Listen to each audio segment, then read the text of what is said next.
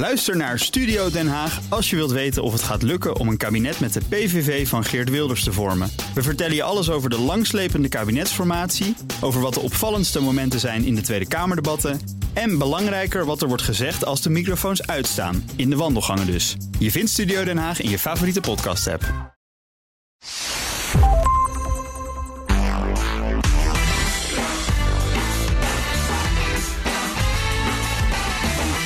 Welkom bij de Ben Tigelaar podcast bij BNR. De wekelijkse podcast over persoonlijk leiderschap. Elke week hebben we nieuwe tips en inzichten van inspirerende gasten... die je helpen om je verder te ontwikkelen in je werk en de rest van je leven. Mijn naam is Ben Tigelaar en mijn gast in deze aflevering is Sylvia van de Bunt... expert op het gebied van dienend leiderschap. Welkom Sylvia, wat fijn dat je er bent. Dankjewel, een eer om hier te zijn. Nou, ja. Hey, um, ik ga een paar dingen even uit je cv noemen. Uh, je bent mededirecteur van Service. Dat is het Centrum voor Onderwijs en Onderzoek op het gebied van Servant Leadership, dienend leiderschap. Dat is aan de Vrije Universiteit hier in Amsterdam. Hiervoor heb je onder meer gewerkt als consultant voor allerlei grote organisaties, ook voor non-profit organisaties zoals de, de Europe, Europese Commissie en UNESCO. Mooi werk om mee bezig te zijn, denk ik. En daarnaast nog uh, toezichthouder en bestuurslid verbonden onder meer aan Computrain, Kennisnet, Nova College, Nuffic. Jongen zeg. Uh, niet voor niks heeft Quote jou op een gegeven moment gekozen tot een van de 600 meest invloedrijke Nederlanders. Ja, ik was zelf ook wel verrast. Ja, dat is gek als je in zo'n lijstje staat. Ja, en ik was eigenlijk ook de enige, of de, de jongste. En um, nou, relatief minder vrouwen in, de, in dat lijstje. Ja, dat zie je vaak. Uh, Maxima stond er overigens wel in. Koningin. Ja. Stond ze hoger dan jij of niet? Prinses uh, Maxima. Uh, ja, ze stond wel stond hoger. Stond wel hoger, ja, precies. Ja, je kunt niet van iedereen vinden. Goed, nou ja, allerlei artikelen geschreven, boeken, doseert aan meerdere universiteiten... en dus de laatste jaren vooral gericht op dienend leiderschap. Nou, kan ik me voorstellen dat mensen die dat, die term horen, dat ze denken: ja, ik heb wel ongeveer een idee wat het betekent. Van, je hoort de term natuurlijk nog wel eens een keer vallen. Ook in de managementliteratuur komt hij wel voorbij. Maar wat, wat is het nou eigenlijk als, als jij het zou moeten omschrijven? helemaal in de grond, in de kern, komt het eigenlijk op neer dat um, dienende leiders die stellen de belangstelling en de behoeften van de ander op de eerste plaats. Okay. In plaats van het zelfinterest en in plaats van de eigen bonus. En dat lijkt uh, nou niet erg slim. Uh, want het is natuurlijk mooi als je, ik weet niet hoeveel dollars iedere maand op je rekening krijgt. Ja. Maar dat is eigenlijk een achterhaald principe. Um, je kunt leren van servant leadership doordat um, je ziet dat als je dus zeg maar de ander onbaatzuchtig op de eerste plaats zet, qua talentontwikkeling bijvoorbeeld en de faciliteiten die je geeft, maar ook de empathie die je hebt voor jouw bedrijf en voor jouw mensen, dat het uiteindelijk voor jouw leiderschap alleen maar ten goede komt. Oké, okay. oké, okay, dus het, het, het jezelf wegcijferen en het, de belangstelling en, en de interesses van, van, laten we zeggen, de mensen in je team bijvoorbeeld voorop stellen. Mm -hmm. Dat als leidend principe hanteren. Dat is uiteindelijk op de langere termijn ook goed voor het bedrijf. Ja. Oké. Okay. En nou, nou heb ik ook begrepen dat er ook nog iets is als intern en extern dienend leiderschap. Dat kwam ik tegen even in de voorbereiding. Ja, je, ja. je wees me daarop. Kun je dat nog eens uitleggen? Wat is het verschil daartussen? Nou, het is ook meer mijn eigen visie daarop hoor. Want het is niet zo dat dat nou um, ja, rocket science is wat betreft uh, servant leadership. Maar ik zie toch echt wel een verschil. Kijk, het, het, zijn geen, uh, het is geen halleluja verhaal. Want een uh -huh. servant leader kan ook zijn rauwe kantjes hebben en zijn uh, minder leuke eigenschappen. Zijn niet allemaal lieve mensen die altijd maar braaf en aardig zijn de hele dag? nee, zeker okay. niet. Maar het is wel een streven natuurlijk. En je kunt veel leren van, van voorbeelden, van rolmodellen. -huh. En um, ja het onderscheid intern extern betekent dat je kunt bijvoorbeeld um, enorm goed zijn uh, extern in je servant leadership, in je maatschappelijk engagement. Oké, okay, dus dan doe je het voor uh, de maatschappij heel goed, bijvoorbeeld. Ja. ja, dat kan. Maar dat je daardoor toch uh, intern, bijvoorbeeld in je gezin of in je eigen bedrijf, daar minder ruimte voor maakt. Of dat, ja, dat, dat ligt je minder. Nou zijn er heel veel mensen die dit horen en denken: oké, okay, ik snap dat, dienend leiderschap, dat is een mooi principe. En ik snap ook dat een Gandhi, een Martin Luther King, dat dat ja, Mandela aansprekende namen zijn. Maar nu geef ik leiding aan een team. In een gewoon Nederlands bedrijf. En dan, dan luister ik hiernaar en denk ik, ah, ik, ik zou er wel iets mee willen. En ik ben ook aangesproken door deze grote voorbeelden. Maar hoe begin je nou met dienend leiderschap in het dagelijkse leven als je gewoon teamleider bent? Je kunt aan hele, hele simpele, tussen aanhalingstekens, dingen denken. Zoals bijvoorbeeld uh, empathie. Ja. Dan kun je niet op een maandagochtend op een knop drukken en zeggen: Nou, vanaf nu ben ik empathisch.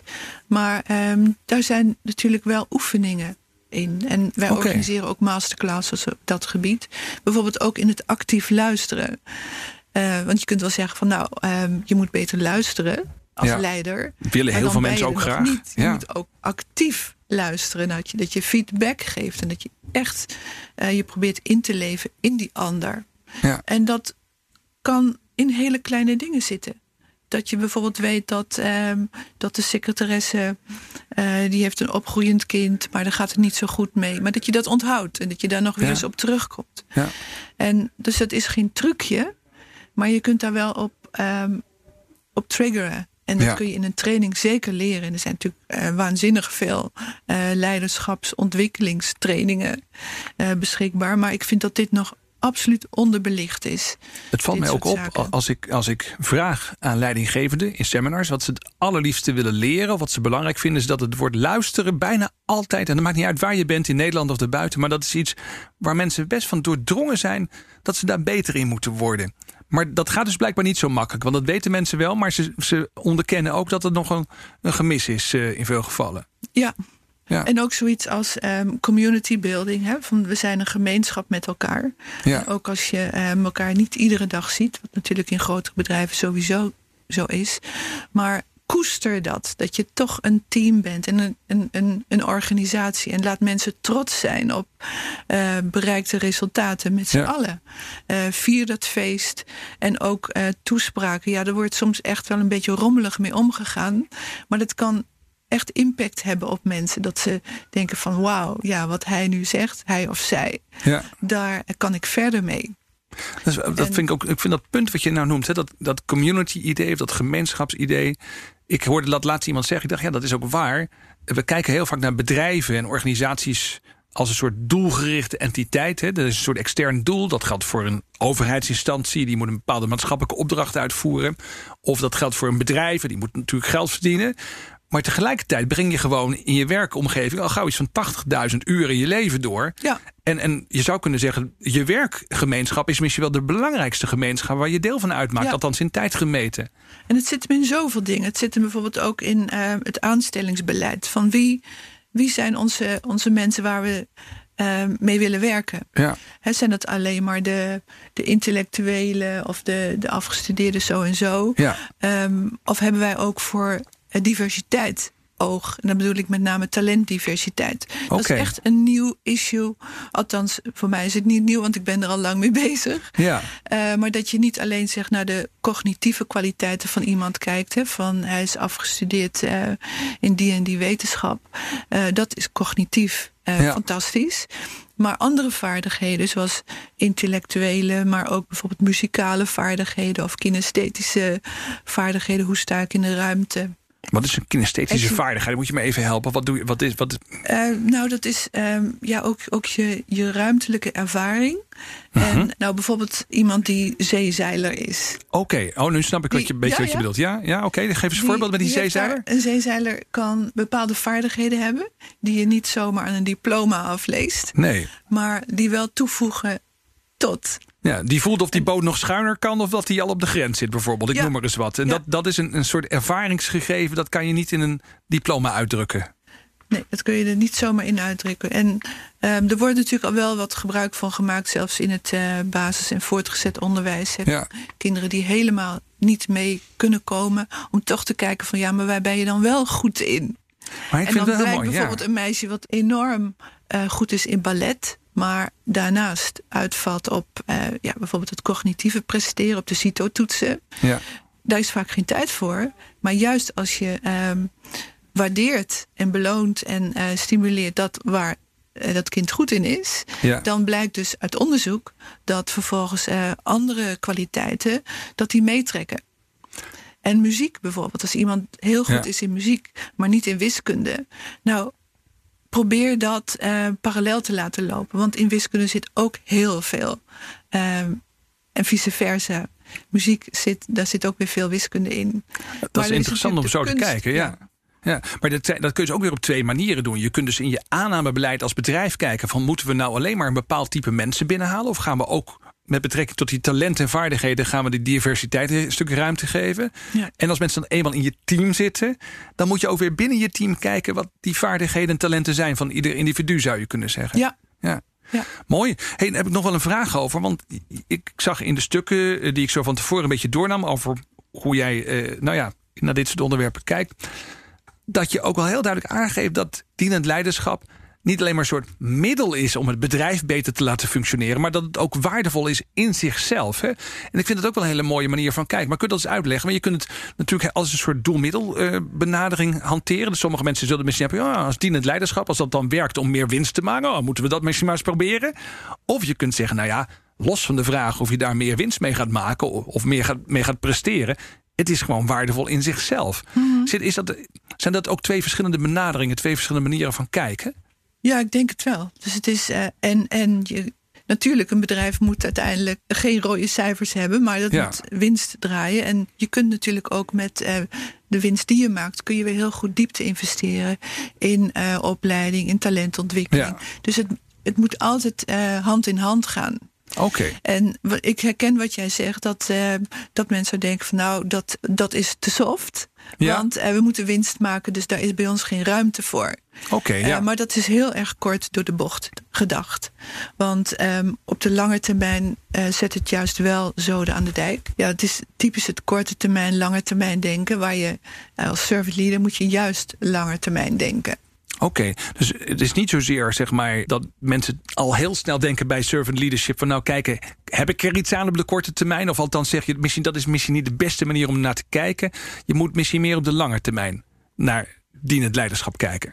Ja, zonder natuurlijk de week en de, en de maandcijfers te vergeten. Maar ehm, ja, je moet eh, wat dat betreft een strategie voor de langere termijn. En het is heel actueel ook als je denkt aan duurzaamheid. En, en hoe Nederland, welke kant gaat Nederland op? Ja, er worden natuurlijk allerlei rekensommen gemaakt. Ja, Eh, maar één ding staat wel voorop. Ja, we willen met z'n allen duurzamer zijn. ja, ja. En ja. hoe doe je dat dan? Nou, en daarvoor denk ik persoonlijk, ehm, en daar hebben we ook ehm, de laatste tijd best wel veel aan gedaan. Culturele duurzaamheid is zoiets wat eh, bij servant leadership past. Het is absoluut langer Oh, grappig. Maar dat, wacht eens even hoor. Want duurzaamheid, dan denk ik al gauw dus aan milieu en aan klimaat. Maar jij zegt er is ook zoiets als culturele duurzaamheid. En wat is dat dan? Nou, je kunt ehm, werken aan allerlei technische projecten. Dat is ook goed. Hè? Minder afval, eh, schoner milieu. En ehm, dat moet gebeuren. Ja, Maar ondertussen, en dat zijn allemaal lange termijn plannen. En gedeeltelijk zijn die al verwezenlijk. Maar die missie hebben we eh, voor een groot deel in Nederland. Eh, maar culturele duurzaamheid moet daar ook hand in hand mee gaan. En dat wil zeggen dat we ehm, ook in onze samenleving, een samenleving willen die duurzaam is. Waar Ja. sociale cohesie heerst. En waar je ehm, ook nieuwkomers ontvangt en niet ziet als een ehm, kostenpost voor, ehm, voor onderwijs, voor, voor huisvesting. Maar dat je daar ook ehm, de culturele waarde van ziet. Eh, voor onze samenleving. En dat bewijst ook de geschiedenis eh, dat dat zo is. Hè, want eh, migratie is vaak juist ook een verrijking van de samenleving. ja. Maar dat is dus langer termijn. Maar dat betekent ook weer dat je op een waarderende manier naar nieuwkomers moet kijken. Als ik dan jou goed begrijp en probeer even een paar dingen aan elkaar te knopen Ja. van wat je tot nu toe hebt gezegd. Dus dat betekent, je gaat vooral kijken dan ook wat kunnen deze mensen bijdragen. En je gaat dan ook proberen dat productief te maken. Ja. Kun je daar een voorbeeld van Nou geven? Ja, je kunt het ook bij wijze van spreken kwantificeren. Maar dat wordt nu nog niet gedaan. Oké, Maar je zou ehm, kunnen zien. Nou, dat is ook weer een project dan dat wat een eh, partner van Service. ja. Eh, we werken met Edu for You. Dat is een project dat is eh, vier jaar geleden begonnen met drie initiatiefnemers. ja. Drie studenten medicijnen uit Syrië. Die Ja. hier bij. Ze hadden al vijf jaar studie op, achter zich. Maar ze moesten hier weer bij nul beginnen. Oké, ja. Nou, gelukkig heeft eh, VUMC hun de kans gegeven. ja. En ze zijn nu ook alweer zo ongeveer in hun eh huisartsen ehm, praktijk. Daar zijn ze bezig in hun kooschappen. Ja. Dus ze hebben die achterstand ingehaald. Maar het mooie is dat ze, eh, naast dat ze deze studie dus in Nederland gedaan hebben, hebben ze ehm, in sneltreinvaart hebben ze Nederlands geleerd. ja. En ze wilden iets teruggeven aan de samenleving. Wat hebben ze gedaan? Deze drie eh, jongens, jonge Ja. mannen, die zijn dus Edu for You begonnen. Dat is een, ehm, een school voor eh, nieuwkomers. Mhm. Ehm, die uh, gelijk aan de gelijke situatie als zij hadden toen ze hier kwamen, uh, die schakeling moesten maken naar het hoger onderwijs. Oké. ja. En um, ze zijn met ongeveer een groepje van 20 begonnen en ze zijn nu bijna 400. Wauw. En komen zelfs studenten uit Duitsland komen hier om in het weekend um, ja, toch te schakelen en um, buitenscholen totdat ze op dat niveau zitten van wiskunde of van uh, medische wetenschappen. Dat ze kunnen doorstromen of zij zij instromen. Ja. En waar ze gebleven waren in uh, het land van herkomst. En, en door en, eigenlijk deze drie jongens, zou je zeggen, een, kans te geven en ze te, te, helpen in hun ontwikkeling, heb, hebben we er, we, maar goed, VUMC in dit geval, ervoor gezorgd dat er 300 of 400 meer nu al worden geholpen om ook een vergelijkbare stap te maken en weer kunnen gaan bijdragen aan die samenleving. Dat is, ja, nou in ja. het kwantificeren zit er dus in wat we eigenlijk nu ook al zouden kunnen doen om. Uh, want er moeten toch altijd onderleggers bij zitten bij een strategie die je uitstippelt voor de ja, toekomst. Wat bedoel je met onderleggers? Want, um, bewijsvoering ja, of argumentatie? Oké, okay, bewijsvoering. Om even bij deze twee um, initiatieven, die drie initiatiefnemers te blijven. Zij spreken het Arabisch. Zij kennen de patiënten in het ziekenhuis. Ik ben bij hun op bezoek geweest in het Spaarne ziekenhuis. Ja. En um, je moet je voorstellen wat de waarde daarvan is. De toegevoegde waarde voor de mensen in onze samenleving. Ja, ja, ja. En dat, is ook, dat geldt ook voor een huisartsenpraktijk. Dus dat zijn eigenlijk alleen maar de goede dingen. Naast dat um, ja, huisvesting en onderwijs, dat, dat vereist natuurlijk maatwerk en daar, daar, loop, daar loop je tegen barrières aan. Maar daar, daar moeten we met z'n allen de schouders onder zetten. Daar kun je niet voor wegkijken. Heel interessant. Dus je zegt dienend leiderschap kun je op verschillende manieren bekijken, intern, extern. Zit ook een belangrijk lange termijn perspectief komt erbij kijken. Mm -hmm. Je moet proberen waarderend te kijken. Op zoek gaan naar wat kunnen mensen ook van verschillende achtergronden met verschillende talenten en vaardigheden inbrengen. En dan is het dus ook toepasbaar op het, op het kijken naar bijvoorbeeld vraagstukken als immigratie in onze samenleving. Dus het is eigenlijk veel breder dan alleen maar het leiden van een team op een dienende manier. Je kunt het heel mm -hmm. breed inzetten. Ja, uh, we moeten alweer naar een, uh, ja, de op één na laatste vraag. En dat gaat over uh, ja, een, een, vraag die verrassend is, zowel voor mij als voor jou. Ik wil je vragen om een nummer te noemen van 1 tot 15. En dan komt er uit de envelop een vraag uh, die, uh, nou ja, verrassend is, hoop ik dan maar. Ja. ja? Nou, laat me komen. Ja, welk nummer kies je? Uh, zeven. Zeven, oké. Okay. Favoriete nummer van veel mensen? nummer, ja? ja? precies. Even kijken hoor, ja. Ik liet de envelop vallen, dus we gaan even... Vraag nummer zeven. Wie of wat maakt jou echt heel boos? Ah. Ja, je zit heel vriendelijk tegenover mij. Volgens mij ben ik een heel vriendelijk persoon. Maar vast en zeker is er ook wel iets waar je boos om kunt worden. Waar word je boos uh, van? Nou ja, wat, wat natuurlijk nog niet echt helemaal mee zit... dat is dat we al best wel lang praten uh, over um, gelijkheid en um, gelijke kansen. Maar als je nou kijkt naar uh, bijvoorbeeld het aantal vrouwen...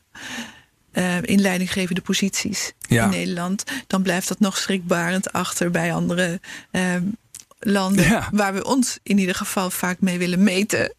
En um, dat maakt me boos. Nou, ik denk bijvoorbeeld aan. Um, er was vorig jaar was er een, is er een nieuw platform opgericht in Duitsland ja. uh, van de Volkswagen groepen. Ja, een van de en, grote uh, mobiliteitsbedrijven in de ja, wereld. Ja. ja, dus ze pakken ze breed uit bij de lancering van, uh, van die groep. En uh, nou, met de nodige foto's die daarbij horen, persfoto's. Ja. En wat je dan ziet is um, een prachtige elektrische auto in het midden, want daar ging het eigenlijk om. Hè. Ze zijn bezig met de ontwikkeling van high-tech.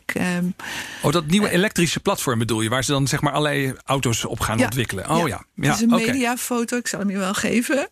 Uh, mediafoto waarbij je dan. Um, het team ziet wat dat ontwikkeld heeft. En ja. de taskforce die daar verantwoordelijk voor is. Hoeveel mensen ongeveer moet ik aan denken? 50? 50 mensen. 50 mannen. 50 mannen, ja. ja geen enkele Ze konden vrouw. geen vrouw vinden in heel Duitsland niet die hier Nou. ook iets van begreep. Nou ja, als je nou kijkt naar de technische wetenschap en hoe de collegezalen op dit moment eh, voor de meerderheid gevuld zijn met dames. Ja, precies. Ja. Uh, waar blijven ze allemaal? Vraag je dan af. En waar zit die filtering uh, verderop in de, in de loopbaan? Oh, dat is ook wel interessant. Dus we komen toch weer terug ook bij filtering. Ja, ja, dat ergens mensen die toch onder de radar blijven, omdat we niet weten waar we ze moeten vinden, of in ieder geval onze filters niet goed afgesteld nou hebben. Ja, um, kijk, filtering en um, waar zit het hem in? Nou, voor, voor mij is er ook nog echt een groot tabula rasa. Want er is natuurlijk al veel in beeld Ja. van waar dat in kan zitten. eh, En waarom die salarissen dan lager liggen, et cetera. Ja. Eh, maar het blijft me fascineren. En ik denk ook dat, dat mentoring bijvoorbeeld, dat dat heel belangrijk is. Oké, dus dat- Zowel voor mannen als voor vrouwen in, gedurende hun loopbaan, dat ze eh, gecoacht worden. En ehm, een mooi project daarvan is, nou, je, kent Desmond Tutu, eh, maar een van zijn dochters, dat is ehm Mpo Bisschop, bisschop in de Anglikaanse kerk in ehm, Zuid-Afrika, hè? als ik het even kort samenvat. Dat klopt toch? Ja, Was de nou, ze woont Anglikaanse tegenwoordig in Nederland. Oh ja, maar goed. ze- Nee, maar ik bedoel je Desmond Tutu bedoel ja, ik. Ja. En, en zijn dochter, Zijn dochter ja, die woont tegenwoordig in Nederland. in Nederland. En ehm, nou, zij is medeoprichter samen met eh, haar vrouw Marceline van Ja. Eh, van I2, hashtag I2. En zij eh, zijn dus echt bezig om die mentoring van vrouwen, om dat op de kaart te zetten. En om daarmee met name vrouwen ook in, ehm, ja, in minder bevoorrechte posities de kans te geven om ehm, wel die krachten ontwikkelen en om door te gaan eh, naar posities die ze eigenlijk eh, ja, nog voor een droom houden. Ja, noem nog even één keer de naam. Marceline, zeg je? Ja, Marceline van Furt. En ehm, zij is getrouwd met eh Mepo Tutu van Furt. Oké. En eh, de, het is hashtag I2. En hoe schrijf je dat? Gewoon, Hashtag I2. ja. En dan I2 met T-O-O of met een 2? Nee, en de, de I van, van ik Ja, precies. en dan to T-O-O. Helder. Oké, dan kunnen we het ook vinden. Dat is altijd belangrijk. Ja. En als we het dan over vinden hebben en over eh, interessante hashtags en interessante URL's, dan komen we bij de allerlaatste vraag. En dat is: eh, wat is nou een mediatip? Wat zou je nou wel zeggen? Ja, als je dit soort dingen interessant vindt of je wil je laten inspireren, inspireren. Kijk dan hier eens naar. Of het nou een filmpje is of, of het is een boek wat we moeten lezen. Wat is iets waarvan je zegt, nou, als je dan toch klaar bent met deze podcast luisteren, kijk hier nog even naar. Nou, wat ik echt heel cool vind, en ehm, dat is ook moedig, en dat, dat past ook wel weer heel erg bij servant leadership, dat je moedig bent. Ja. Aan de ene kant voorzichtig, maar toch ook weer moedig. Eh, dat is een ehm, campagne geweest van eh Edeka, Ja? een Duitse supermarktketen. En eh, zij wilden laten zien hoe divers in feite in, in onze tijd van globalisering ook de schappen zijn van de supermarkt zelf. Van wat koop je nu? Ja. En wat ze toen gedaan hebben als een eh, stunt, dat is op één dag eh, in de supermarkt alleen maar dat uitstallen wat eh, van Duitse makelij is. Oké. Nou, Ben, dan blijft er dus niet veel over. Is dat zo? Je zou denken dat er in Duitsland heel veel Duitse producten in de supermarkt liggen, maar dat is dus niet zo. Nee, als je dat. Kun je percentage bekijkt- geven? Hoeveel procent Nou, van de ik producten was er ik nog? denk dat er nog 20% lag. Oké, wauw, Ja. dat zijn dus hele lege schappen. 80% Hele lege lege, schappen. schappen gewoon dan. Ja. Ja. Ja, En ehm, nou, wat ze gedaan hebben is in die eh, campagne, en er is ook een link van, dat kan ik ook geven. ehm, in die één dag, dan zie je dus eh, klanten binnenkomen, Ja. dagelijkse routine. En dan ehm, nou, schrikken ze zich natuurlijk wild van, ja, er ligt bijna niks. De supermarkt is nu? leeg. Ja, wat is er aan de hand? Ja. Ja. En de verkopers zijn er dan om eh, te verklaren van ja, het- is vandaag anders dan anders. En je kunt vandaag de Duitse eh, producten kopen, alleen wat, wat wij in, de- in Duitsland gemaakt hebben. Ja. En de reacties zijn werkelijk hilarisch. En verbluffend ook dat ja, mensen zich realiseren van ja, maar dat, dat is toch onmogelijk. ja. Dat een dame zegt van, aber kein chocola, aber das gibt's doch gar niet. Oké, maar het is wel zo- grappig. Dus als je dus gelooft in America First of koop Hollandse waar, want dan helpen we elkaar. Of in dit geval Duitsland eerst, alleen Duitse producten, dan blijft er maar heel weinig over. Dat is dan eigenlijk de les ook inderdaad. En dat je dus ook de rest van de wereld en andere mensen echt nodig hebt. Ja, het is Ja. een wake-up call. Ja. En bijvoorbeeld nu ook met China. Ik bedoel, ehm, realiseren we ons wel van hoe we met elastiek aan elkaar verbonden zijn. En dat Ja. is niet alleen China, maar dat is dan weer zoiets dat mensen daar nu over gaan schrijven. Van, oh jee, we, we krijgen tekort aan dit en we krijgen tekort aan dat. Ja. Maar, Wanneer er ja, op een gegeven moment een epidemie bijvoorbeeld in China is. Terwijl we, hè, ja, ja, Ja, bekijk Naar, naar het grotere plaatje. ja, Dat dat ook voor andere landen geldt. Dat we gewoon met elastiek aan elkaar zitten. ja. Mooi, sluit ermee af. Ja. Ik wil je heel erg bedanken voor het delen van je ideeën en je inzichten met ons. Eh, dit was de Ben Tichelaar podcast bij BNR met als gast deze keer Sylvia van de Bunt. Vond je dit interessant? Check dan ook de andere podcasts via BNR of je favoriete podcast app.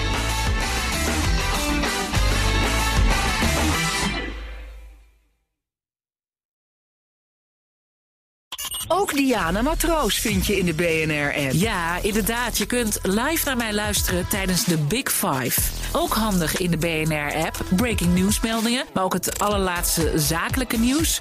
En je vindt in de app alle BNR-podcasts, waaronder Wetenschap Vandaag. Download nu de gratis BNR-app en blijf scherp.